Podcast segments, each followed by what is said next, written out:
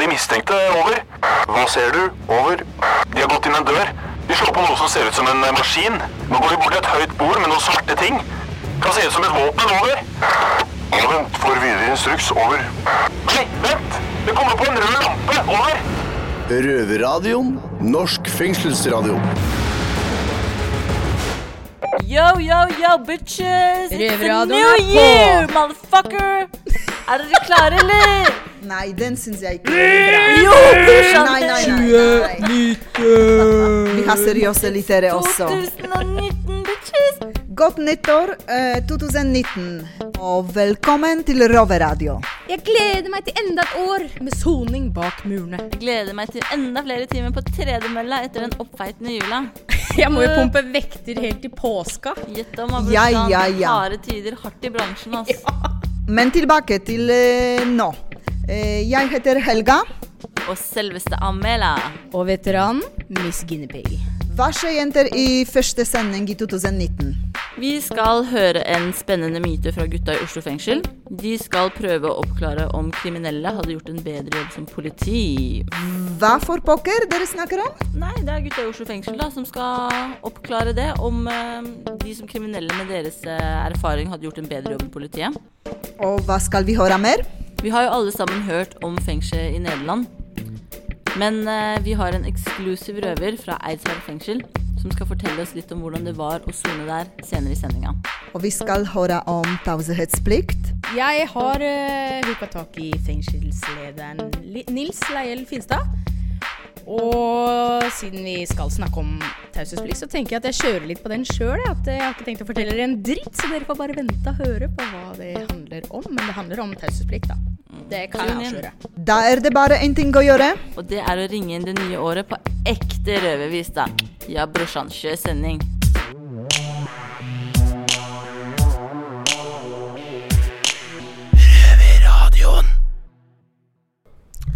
Fra høsten 2015 til høsten 2018 leide den norske regjeringen fengselsplasser i Nederland.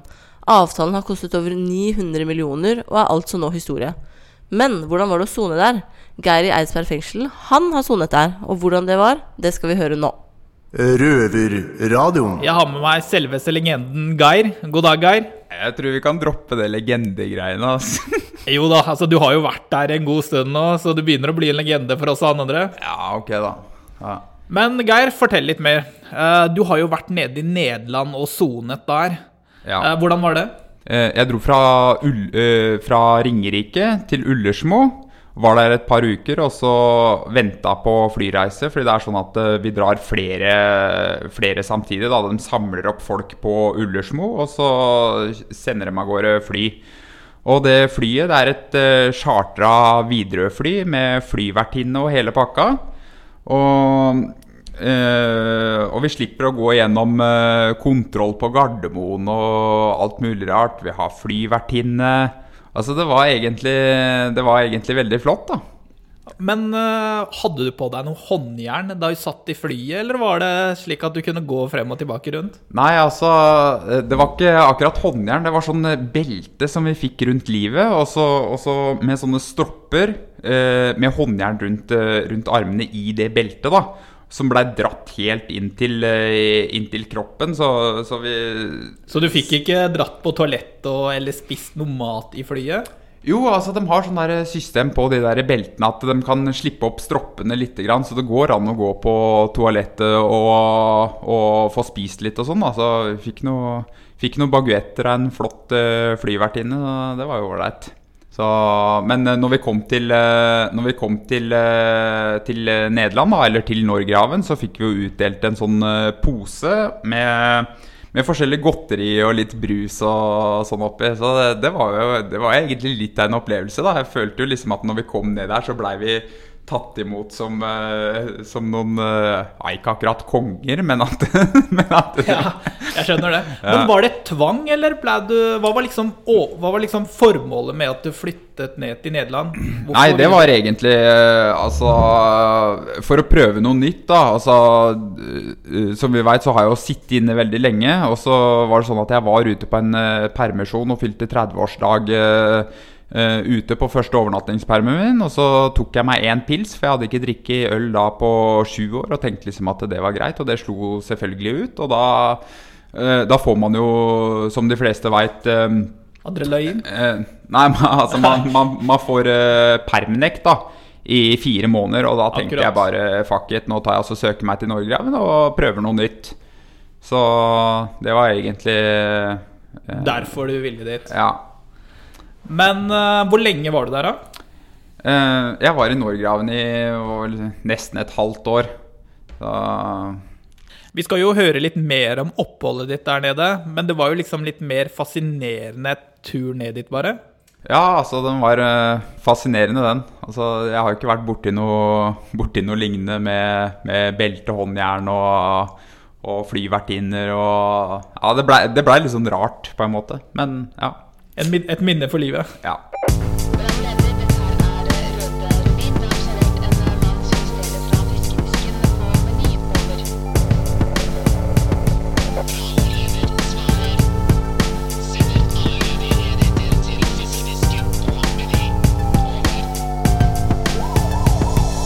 Vi skal nå over til Oslo fengsel, hvor gutta har fått et litt spesielt spørsmål da, fra en lytter. Røverradioen. It takes one to no one, heter det på engelsk. Og nå skal vi snakke om litt rollebytting her i Røverradioen. Jeg heter Ola. Jeg er ansatt, ikke innsatt, her i Oslo fengsel. Har med meg Preben og Havald. Halla. To, to, to trofaste røvere. Du ser veldig oppgitt og surt ut på meg, Preben. Nei, jeg er veldig spent. Du er veldig spent, ja, for du vet hva dette her betyr. Når jeg snakker i radioen, i radioen faktisk, når jeg snakker inn i mikrofonen her i Oslo fengsel, så betyr det at vi har fått inn et spørsmål, eller ei myte, på Facebook. Og denne her er litt sånn Jeg, jeg, jeg setter veldig pris på fantasien til denne fyren. Han heter Nils, og han han har en slags visjon, da, eller en påstand, og det er at eh, om dere to, da, når dere var ferdige å sone, så fikk dere et valg, ikke sant? Ok. Dere kan bli løslatt, bla, bla, bla. Eller dere kan få en jobb i politiet. At dere blir en uh, politi... En sånn politi... Og da, da er vi tilbake til det jeg sa i starten. It takes one to know one, ikke sant? Og han mener da at eh, innsatte som blir Altså tidligere kriminelle som hadde blitt politi, hadde blitt det beste politiet. Ja, får man en peiling fra før. Mye, Ja, altså- mye erfaring fra før. Ja, ja. Jeg veit ikke. Jeg hadde ikke blitt politi. Nei, nei, jeg vet det, jeg vet det. Dere vil aldri si offentlig at dere ville blitt politi. Men bare tenk, dette her er helt 100% hypotetisk. Dette er ikke Preben, men det er Prebos og Haval... Hav, hab, hab, Habal. Som skal Altså, bli hva snakker du om at vi er politimenn? Dere har siste dagen i fengselet, så kommer avdelingslederen og sier hei, dere er blitt valgt til et spesialprogram. Dere to skal, få bli, dere skal bli med i Politihøgskolen. Mm, Og så blir dere utdannet til å bli politi, bare dere har deres erfaring mm, som kriminelle. mm. Hadde dere vært et bra, bra politipar, tror du? Hvordan hadde dere jobba? Meg og Preben, Ikke tenk deg nei, det. ja, vi hadde tatt helt av, vi, tror jeg. Jeg tror vi hadde utnytta den fordelen vi hadde der til Ja, gud veit hva. Mye korrupsjon. Nei, nei, nei. Tenk, tenk litt seriøst nå. ikke sant? Sånn så, Husker du da Erik Jensen, ikke sant? han som sitter anklagt for Ja. korrupsjon og sånt? da Han var jo sånn, litt sånn en fot i hver leir, ikke sant? var veldig real. Klarte å få en helt annen tone med yrkeskriminelle enn det vanlig politi gjør. ikke sant? Tror du ikke, vi hadde jo ikke gått Vi hadde jo ikke gått inn for å få folk i miljøet arrestert. Vi hadde gjort det helt motsatte.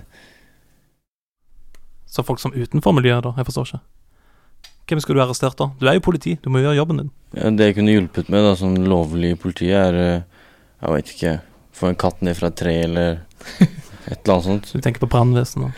Gammel dame, Hjelpe gammel gammel, dame over veien. gammel dame som har mista husnøklene sine, som skal komme seg inn, ikke sant. Det kunne jeg hjulpet med. Åpne døra. Det er jeg flink på. Ja. Så, så hadde jeg bare latt alle fortsette.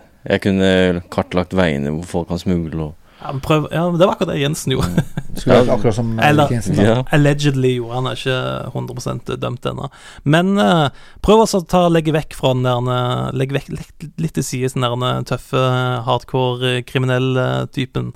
Bare tenk liksom hvordan Tror du at eh, Hvordan vi hadde vært som politi. Ikke nødvendigvis dere to, da, men en, eh, en kriminell, en som har en kriminell bakgrunn. Hvordan han ville håndhevet loven, i motsetning til en annen politi. Det er et veldig politi. vanskelig tema, det her. altså Ja, men Hvis du tenker gjennom eh, Han har vært kriminell i så mange år, og så skal han bli politi etterpå. Ja, men nå må du òg tenke at han har hatt en sånn Se her, da. Jeg skal ikke være kriminell lenger. Hvis en, hvis en tidligere kriminell, tung kriminell, Mhm. hadde fått lov til å bli politimann, da. Ja.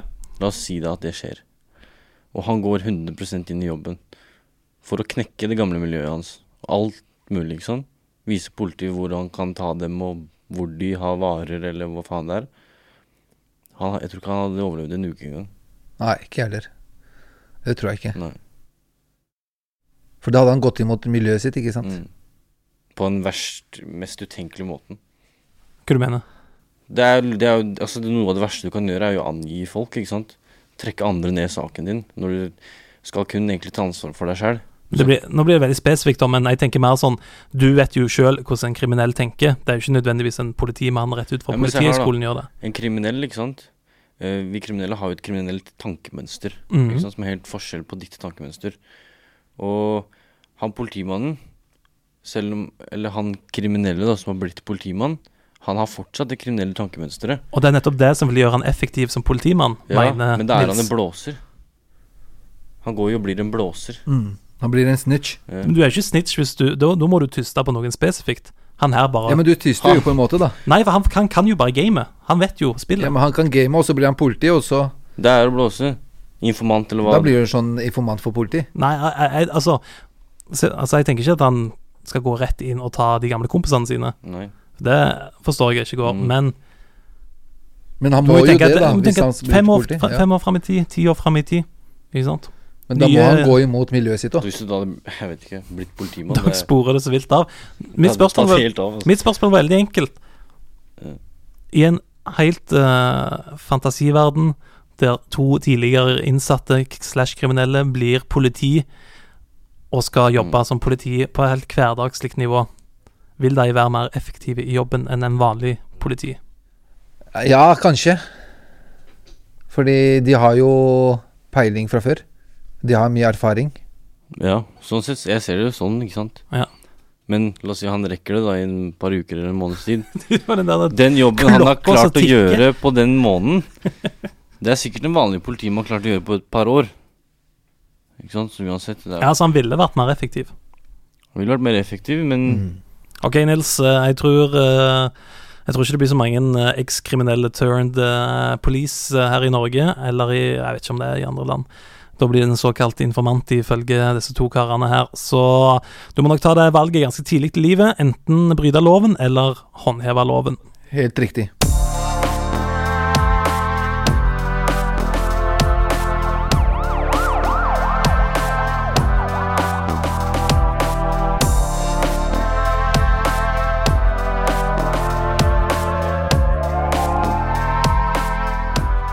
Skal tilbake til Eidsberg fengsel og Geir, som var en del av den norske regjeringen sitt prosjekt, nemlig å sende norske fanger til Nederland. Røverradioen.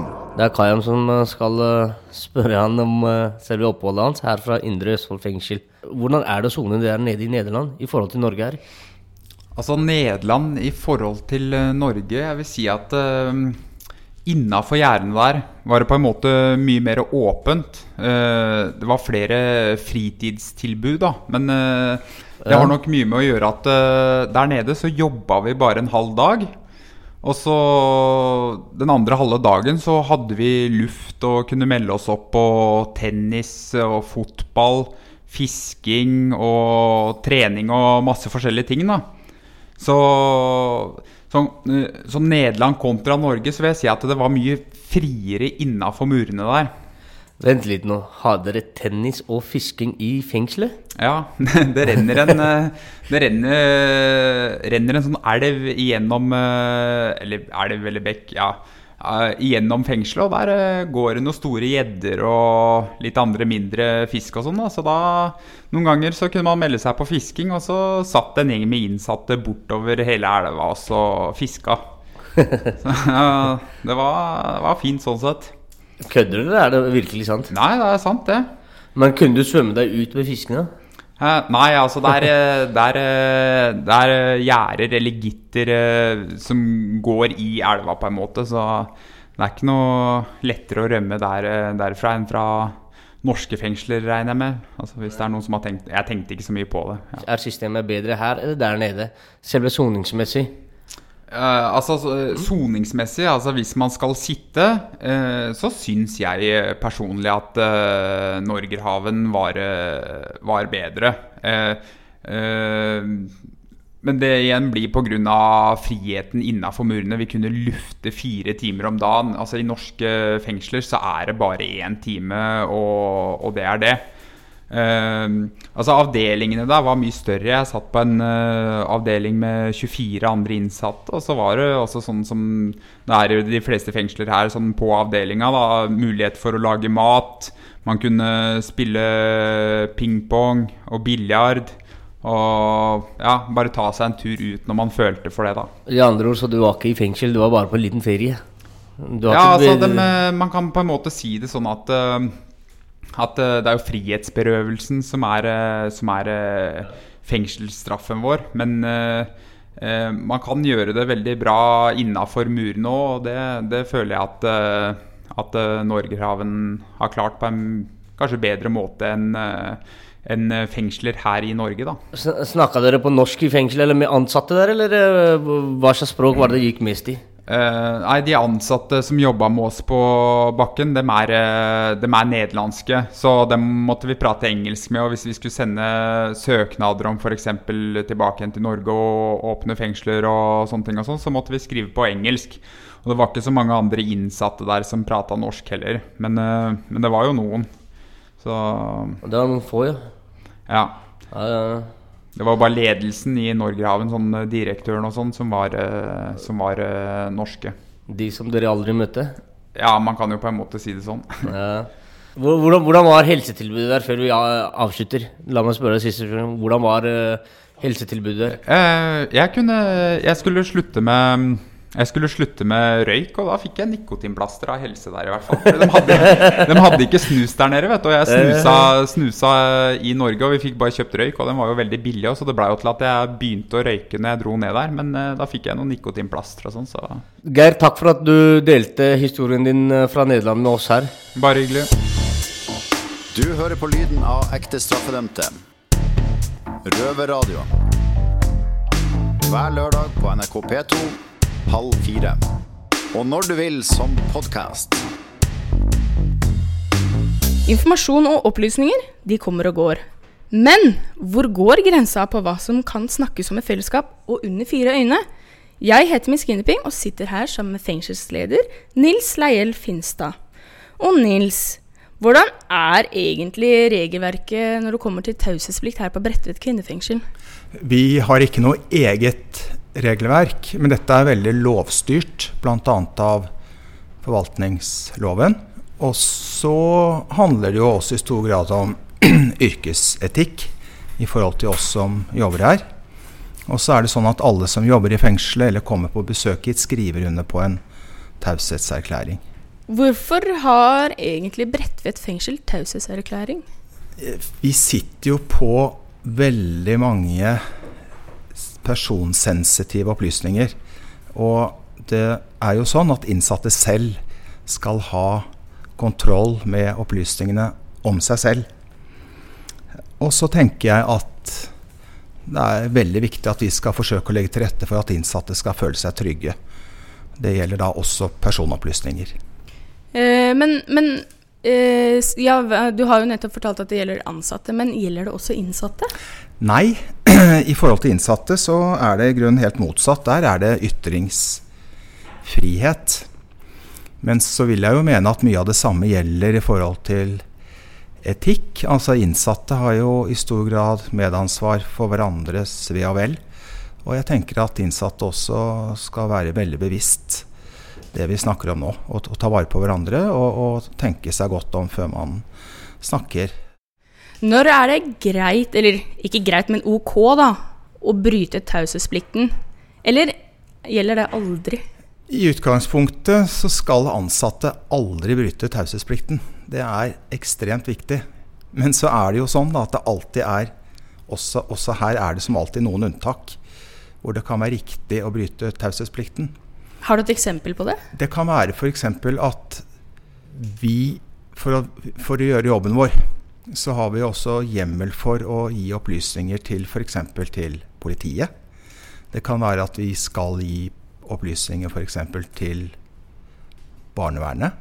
Men det store, store bildet er at det er taushetsplikt, og den gjelder fullt ut.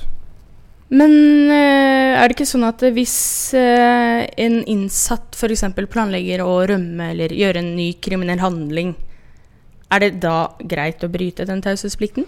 Ja, det er I utgangspunktet så har vi taushetsplikt, og vi som jobber i fengsel er ikke politi. Men så er det noen unntak hvor vi har en anledning til å gi opplysninger videre. Mm.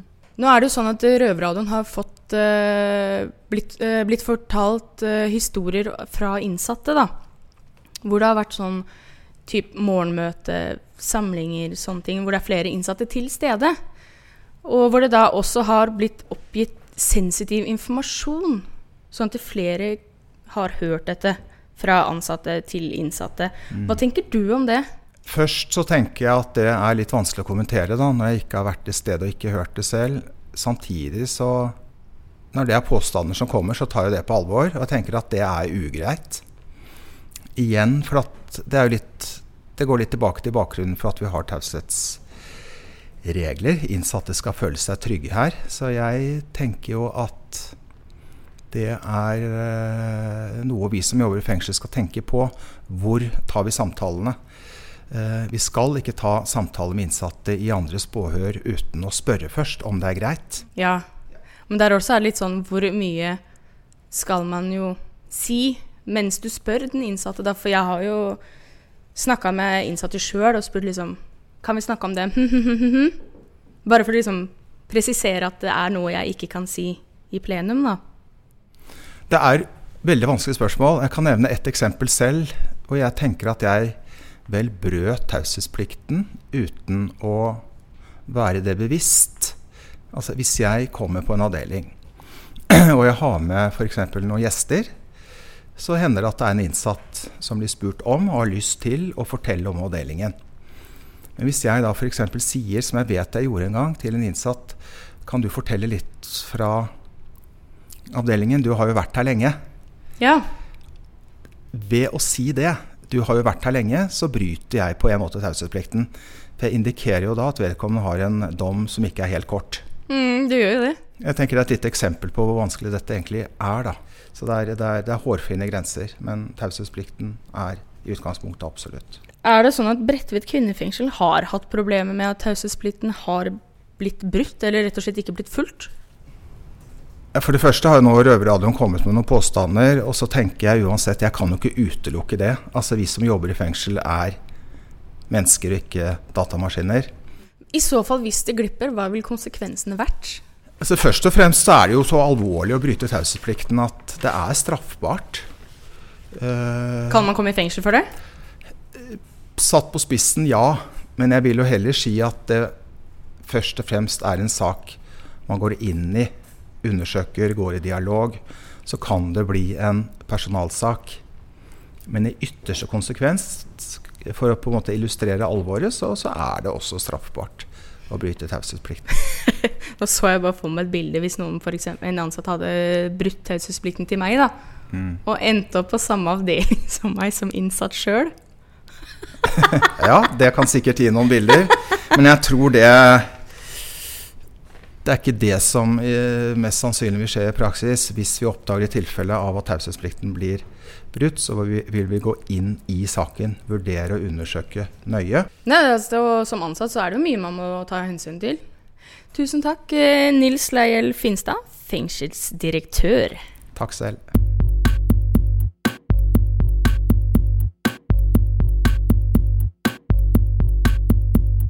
Når du sitter på varetekt i fengsel, er det bare én dag som gjelder, og den avgjør resten av oppholdet ditt.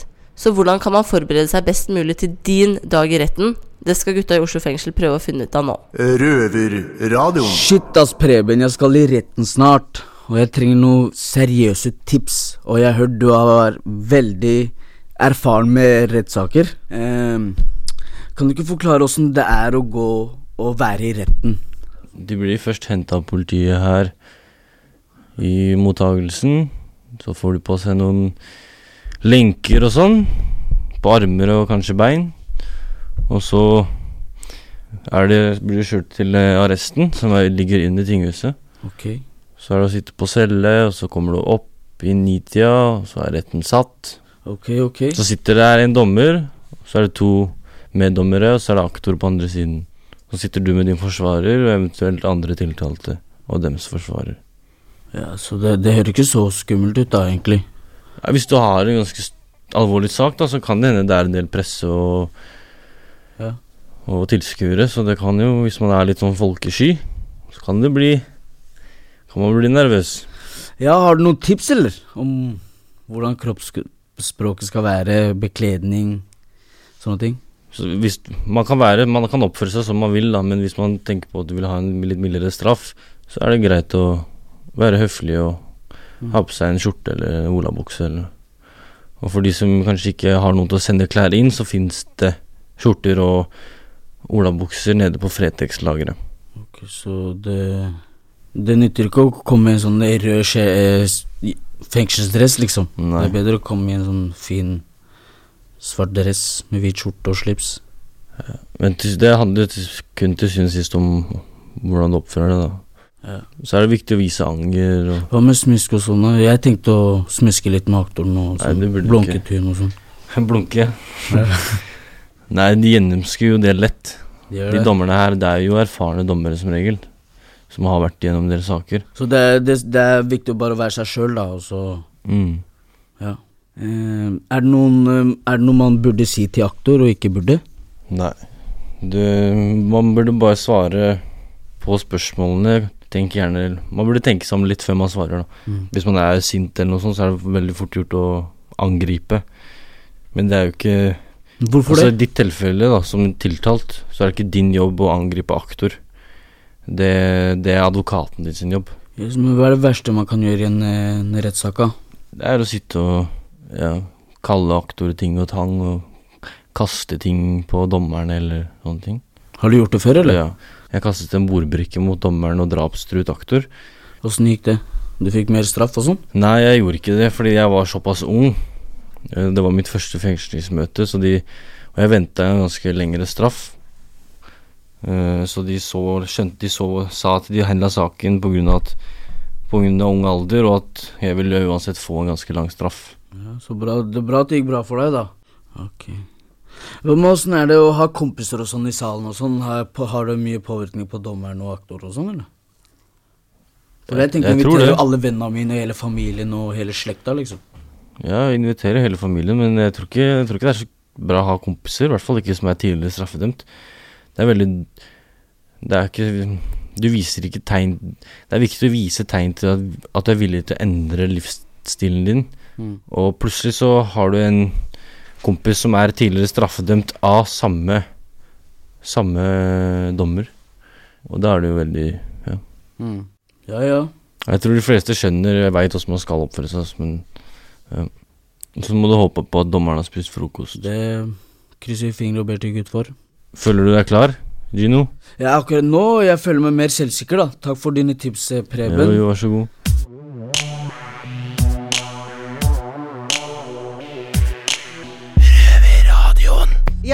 Nå er denne sendingen over. For min del så er det i hvert fall en halvtime mindre enn å sone, da. Word. Eh, den sendingen var veldig bra, egentlig. Det var det, altså. Grove tilstander.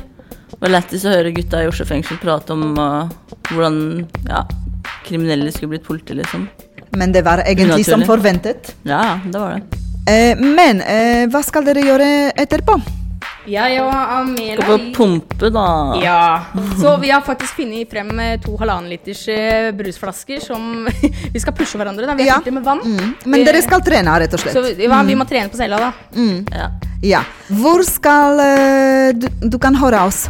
Røverradioen kan høre høre akkurat når det passer deg, og uansett hvor du er hen og når på døgnet. Bare søk Røverradioen eh, på podkaster der du finner generelt podkaster. Ja. Og for dere som er som oss, innsatte og ikke har tilgang til podkast, så kan dere høre oss på Radio Nova fredager klokken 18 og på P2 lørdag klokken 15.30. Yes. Og ikke minst, ikke glem oss på Facebook. Nei, nei, nei. Send inn myter, send inn utfordringer, ting vi skal gjøre mens vi tar opp. Hva som helst. Ja, myter er innafor. Ja. Så da sier vi ha det for denne gangen. Adios. Ha det bra.